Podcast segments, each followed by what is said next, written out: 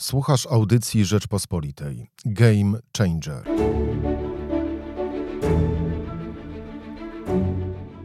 Jak będzie wyglądała i co będzie zawierać deklaracja ideowa Platformy Obywatelskiej? Czy opozycja będzie ze sobą współpracować i jak? O tym wszystkim rozmawiam z wiceprzewodniczącym Platformy, byłym ministrem obrony narodowej Tomaszem Siemoniakiem. Zapraszam. Na program zaprasza Michał Kolanko.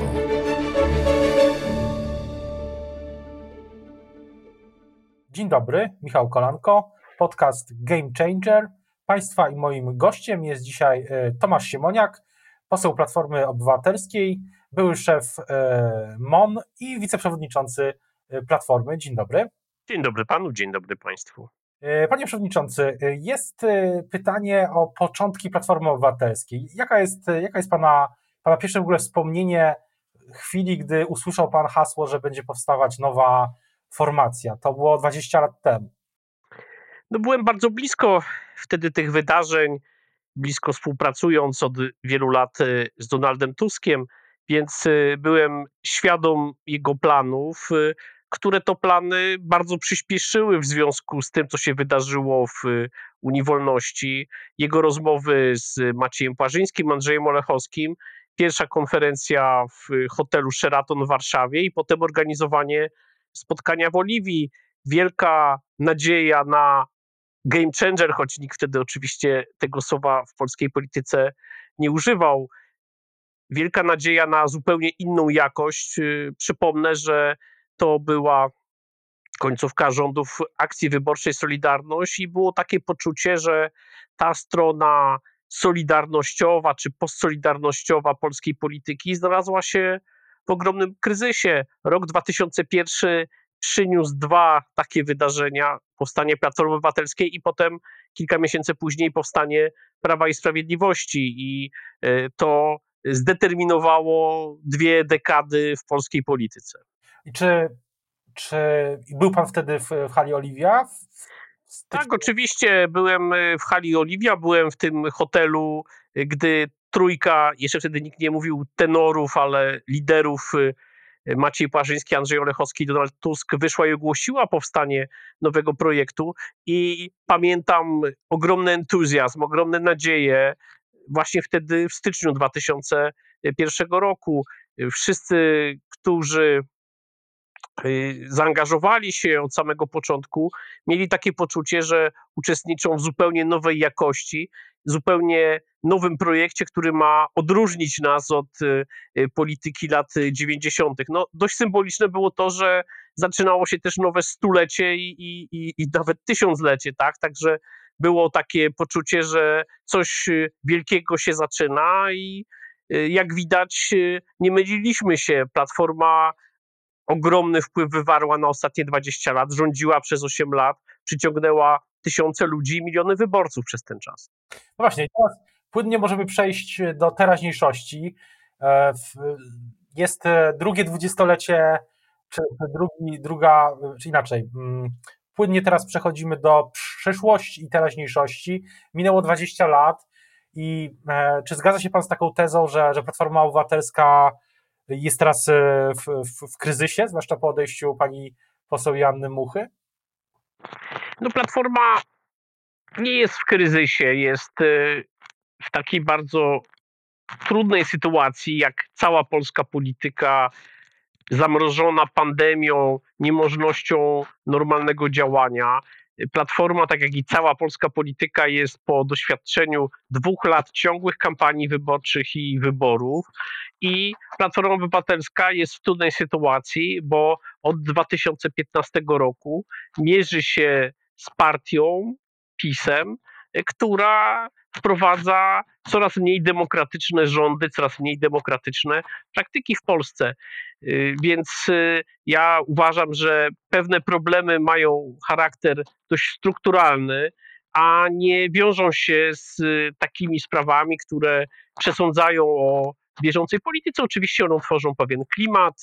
Lepiej zawsze, gdy do partii ludzie przychodzą niż z niej odchodzą, ale uważam, że mamy tak mocne fundamenty, właśnie zbudowane przez te 20 lat wśród wyborców, wśród własnych członków y, struktur, że to jest y, bardzo y, mocna rękojmia do działania na przyszłość. Platforma pokazała, że nie jest partią jednego sezonu. Takich partii przez te 20 lat już kilka widzieliśmy i w związku z tym ma bardzo trwałe miejsce. To przecież jest zachodnia norma, że partie istnieją dziesiątki lat, wymieniają się pokolenia, natomiast pewne wartości, pewien dorobek, czy pewne wizje i plany no, są.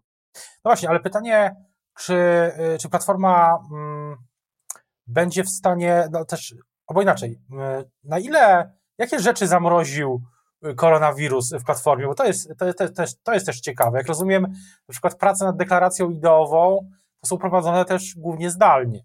No akurat jeśli chodzi o pracę nad deklaracją ideową, to z tej zdalności ja jestem bardzo zadowolony, bo jestem po dyskusjach z połową regionów. W tych dyskusjach uczestniczy po kilkudziesięciu członków y, y, regionalnej platformy w różnych województwach i pewnie gdyby chcieć y, tyle jeździć i tyle, żeby ludzie przyjeżdżali, to pewnie w normalnych warunkach byłoby niemożliwe. Więc tej dyskusji ideowej akurat to służy. Natomiast Mówię o całej polityce, o normalnej działalności w parlamencie, o normalnej działalności posłów i senatorów, o zebraniach y, y, ludzi z platformy, którzy dyskutują i decydują o pewnych rzeczach.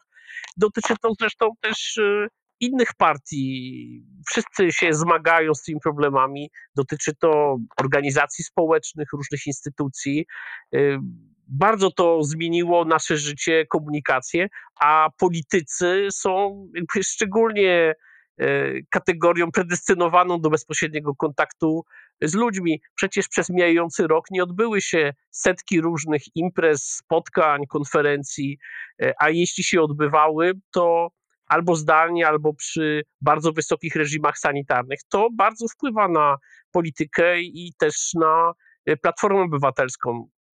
Jak rozumiem, na przykład chodzi też o rady krajowe Platformy, bo e, pamiętam, że rok temu była taka, ponad rok temu była taka rada krajowa, gdzie pierwsza rada krajowa z udziałem przewodniczącego Budki e, i były, chyba, chyba druga taka się już nie, nie powtórzyła, z tego co pamiętam. Była, było posiedzenie Rady Krajowej, gdy trochę zelżały y, y, różne obostrzenia, natomiast była przy zachowaniu dystansu w maskach i przy dużej zdalności, więc y, no, działalność polityczna wymaga dużej liczby ludzi, zaangażowania, takiej oceny, oprawy pewnej. No, widać, jakie to jest też w innych krajach y, trudne, zwłaszcza przy kampaniach wyborczych.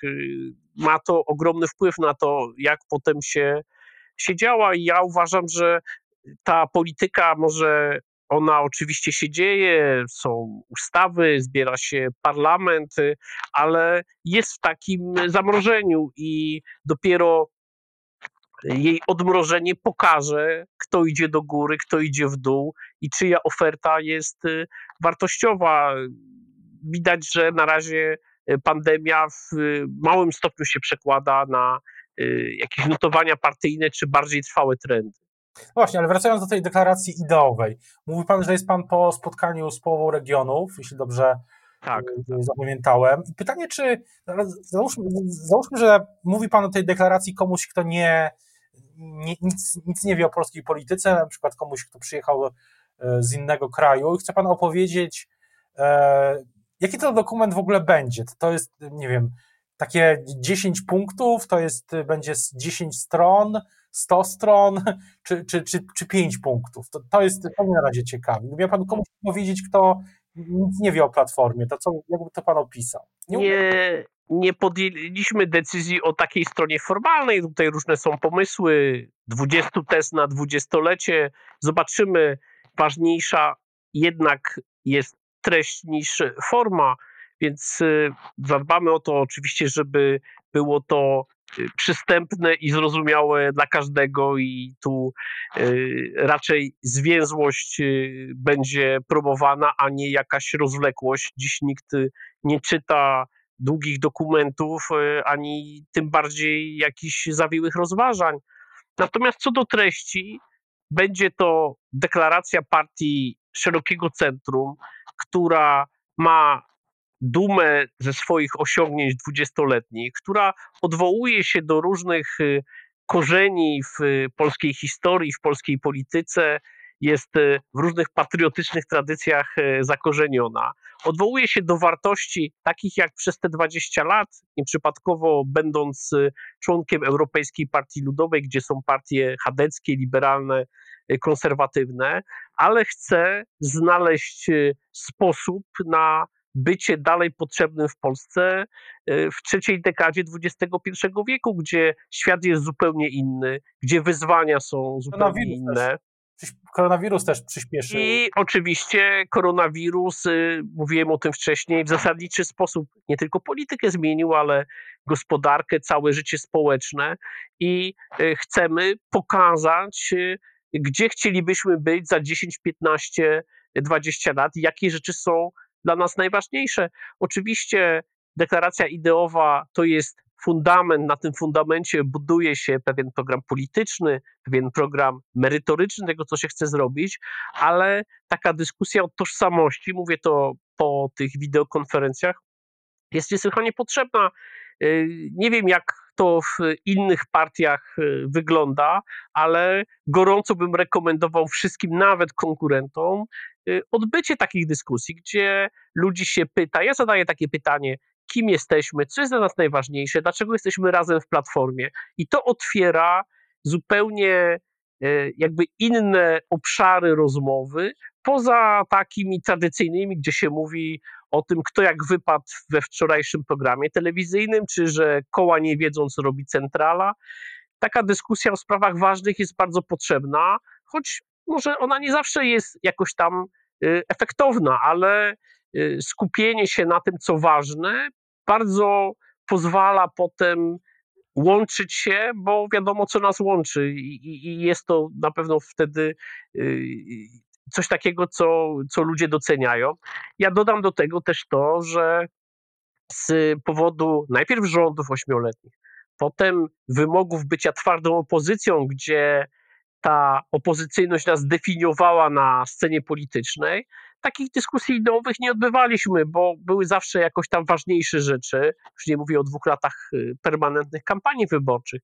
Więc tym bardziej warto siebie nawzajem zapytać, y, kim jesteśmy, skąd przychodzimy i jakie mamy plany na przyszłość. Ale też, czy na przykład a zdradzi Pan e, może, na przykład, bo kwestia, która budzi duże emocje i której, od której na przykład zaczyna swoją debatę programową, tak jak, to, tak jak ja to zrozumiałem, Pan Szymon Hołownia, czyli rozdział państwa od kościoła. Czy, czy, jak, czy to będzie jakoś ujęte, czy, czy to jest zbyt, e, no właśnie, czy, czy to jest ujęte, będzie ujęte w tej deklaracji? ja po tych dyskusjach mogę powiedzieć, że oczekiwanie tego jest e, spore, przy czym uważam, że e, pewnym uproszczeniem jest nazywanie tego rozdziałem państwa od kościoła, bo ten rozdział w konstytucji formalnie przynajmniej jest.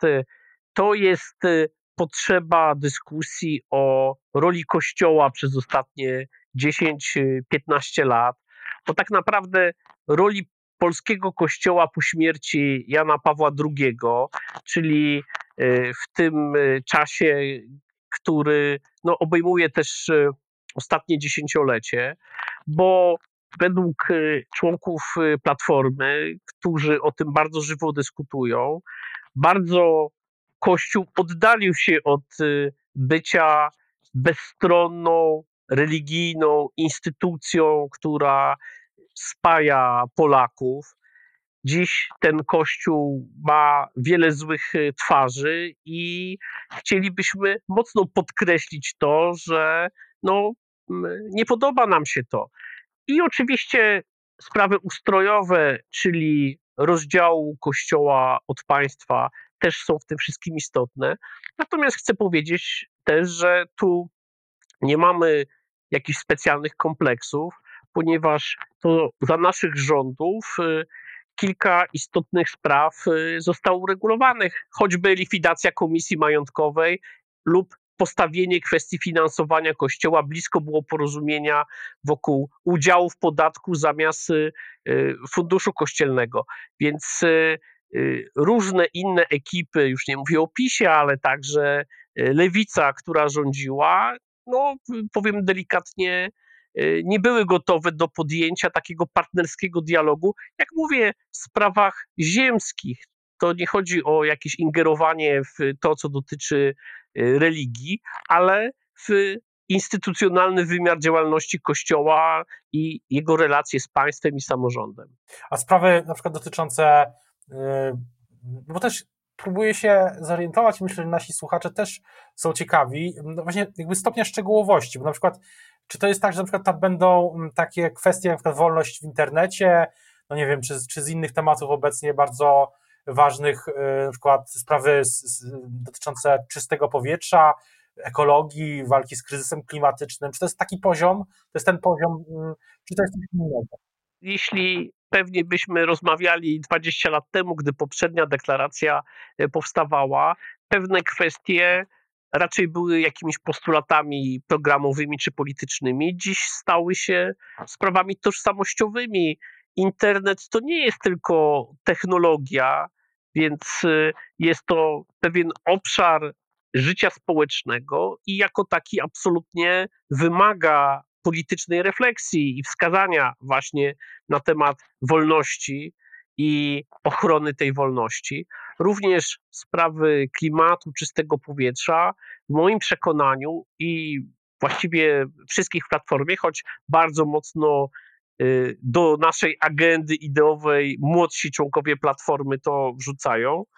Y, sprawy klimatu, właśnie czystego powietrza, y, które pewnie 20 lat temu no, były jakoś mniej istotne, mniej ważne, ale nikt by nie pomyślał, że to może się znaleźć w deklaracji idowej. Wszystkie te rzeczy, o których pan redaktor wspomniał, to jest obszar deklaracji idowej. Oczywiście jest kwestia pewnej ogólności sformułowań, to nie chodzi o jakieś szczegółowe postulaty, natomiast e, w deklaracji ideowej powinno być to, co jest dla nas ważne. To wolność w internecie, klimat są bardzo ważne dla członków Platformy. To jest też tak, że e, Państwo nie piszecie, jak rozumiem teraz, programu, bo program będzie chyba, tak jak to rozumiem, że najpierw taka właśnie ramy, takie, o których Pan mówi teraz, a później od ogółu do pewnego szczegółu. Absolutnie tak, e, chociaż oczywiście w tej zwłaszcza medialnej dyskusji wokół deklaracji ideowej bardzo często używa się, no nietrafnie, ale zamiennie pojęcia deklaracja ideowa i deklaracja programowa, albo się mówi, że to będzie w ogóle program. Y, są trzy obszary, oczywiście ściśle ze sobą związane. To są idee, program i polityka. I e, jedno musi być spójne z drugim. Natomiast my dziś zastanawiamy się, pracujemy nad y, deklaracją ideową. Nie znaczy to, że pokazaniu tej deklaracji ideowej nie powinno towarzyszyć pokazanie pewnych postulatów programowych bądź pewnego programu politycznego. Y, Polacy oczekują pewnych całościowych ofert i my musimy tutaj umieć e, pokazać to, co jest e, ważne i co chcielibyśmy zrobić. Najbardziej wszystkich interesuje, jak będzie wyglądać ich życie, a nie lektury deklaracji ideowych poszczególnych partii. Więc my musimy tutaj połączyć te sprawy tożsamościowe. One w jakiejś części oczywiście są do wewnątrz, do członków, do wyborców, sympatyków e, skierowane, z pokazaniem, że jesteśmy tym środowiskiem politycznym, które ma pomysł na Polskę, Polskę po PiSie, po covid ma wizję i jest w stanie tę wizję realizować, ma potencjał. I również w obszarze politycznym jest w stanie budować taki obóz, który wygra wybory, bo cóż z planów, wizji i nawet genialnej deklaracji ideowej, jeśli nie będzie środków do zrealizowania tego, y, tego planu. Więc to jest y, wszystko ze sobą oczywiście powiązane. Koniec jedno pytanie, dwa pytania. Jedno o współpracę opozycji. No bo pan Szymon Hołownia w, w piątek y, w piątek zapowiedział te debaty programowe, właśnie temat rozdziału Kościoła, Kościoła od państwa, inne tematy i, i będzie ta debata też, on też będzie ją toczył i też będzie prezentował program. A czy wyobraża pan sobie taką debatę opozycji właśnie, że, że opozycja, politycy opozycji, polityczki opozycji się spotkają i będą debatować między sobą o programie? Widzi Pan potencjał na taką rzecz? Inną niż, wiadomo, że w pro, inną niż przez Twittera czy w programach, no bo to. Ja nie widzę żadnej przeszkody. Uważam, że debaty, dyskusja to jest esencja polityki. Trochę nie da się tych debat z pisem prowadzić. Widać to po mediach, że stopień polaryzacji doprowadził do tego, że normalnej rozmowy już nie ma. Więc y, ja bym się bardzo cieszył z tego, gdyby można, czy z Szymonem Hołownią, ludźmi z jego grupowania, czy z Polskim Stronnictwem Ludowym, czy z Lewicą, po prostu dyskutować i, i debatować. Ja wierzę, że, czy wiem nawet, że w bardzo wielu obszarach, obszarze którym ja się najbardziej interesuję, bezpieczeństwa, obronności, e, opozycję bardzo dużo łączy. Mamy tutaj bardzo podobne poglądy, ale są takie obszary, gdzie te różnice są większe i warto, żeby e, o tym po prostu porozmawiać. To nie jest tak, że ktoś tu ma monopol i ja uważam, im więcej debaty i dyskusji o ważnych sprawach, tym lepiej. Także dobrze przyjmuję tę, tę inicjatywę Szymona Hołowni i E, pańską sugestię, żeby nie tylko we własnym gronie debatować, ale starać się e, otwierać na właśnie inne środowiska opozycyjne, słuchać argumentów e, i budować jakieś porozumienie programowe. Tak, no bo też wiadomo, rola dziennikarzy moja to jest właśnie Pytanie też opozycji oczywiście, e, jakie ma pomysły, no nie tylko sprawdzanie, kontrola, mm, rozliczanie tego, co robi władza, ale też pytanie opozycji o pomysły na, e, na Polskę, bo, bo myślę, że to jest ważna e, sprawa. Natomiast na koniec chciałbym zapytać o, o, o Twittera, bo pamiętam, że jest, był pan jednym z pierwszych ministrów, wtedy chyba jeszcze wiceministrem obrony, tak. który był na Twitterze. To było za czasów 2009 roku. 11, ponad 11 y, lat. Jak pan ocenia to, co się, co się zmieniło na Twitterze? Tak krótko, krótkie pytanie. Co się zmieniło? No oczywiście jest y, dużo więcej ludzi na Twitterze niż wtedy. Wtedy to było może nie elitarne, ale, ale jednak wąskie grono. I interakcji między tym gronem było więcej niż teraz. Mniej było hejtu. Teraz właściwie każdy wpis, y, choćby najbardziej niewinny, y, przynosi jakieś albo to są konta troli, albo po prostu tyle jest agresji w ludziach. I myślę, że y, Twitter z takiego bardziej informacyjnego kiedyś staje się bardziej opinionośny, tak? Ludzie częściej wyrażają opinie niż informują o czymkolwiek, co też jest jakąś pewnie specyfiką y, polskiego y, Twittera. Jest ważny bardzo, bo wiem, że dla wielu zagonionych y, obywateli interesujących się polityką jest to jedno z głównych źródeł informacji. Wbrew rozpowszechnionym opiniom, ludzie nie siedzą tak przy telewizjach informacyjnych, jeżeli są aktywni i ten Twitter daje e, może powierzchowną, może krótką, może szybką, ale jednak e, informację o tym, co się dzieje. O Twitterze warto rozmawiać, bo to jest tak jak, no, tak jak on powiedział, to jest źródło informacji dla wielu Polaków o, o polityce przede wszystkim, chociaż nie tylko, bo są sfery Twittera na przykład dotyczące koreańskiego popu i tam... Sportu, też jak to kiedyś mówiono, biberowcy są na Twitterze, tak? Więc e, są oczywiście takie obszary, ale myślę, że polityka jest tutaj szczególnie mocno reprezentowana. To prawda. E, dziękuję za rozmowę Państwa i moim. Ja dziękuję. Państwa i moim gościem był Tomasz Siemoniak, wiceprzewodniczący Platformy Obywatelskiej, były szef MON. Dziękuję bardzo. Do usłyszenia. Słuchaj więcej na stronie podcasty.rp.pl. Szukaj Rzeczpospolita Audycje w serwisach streamingowych.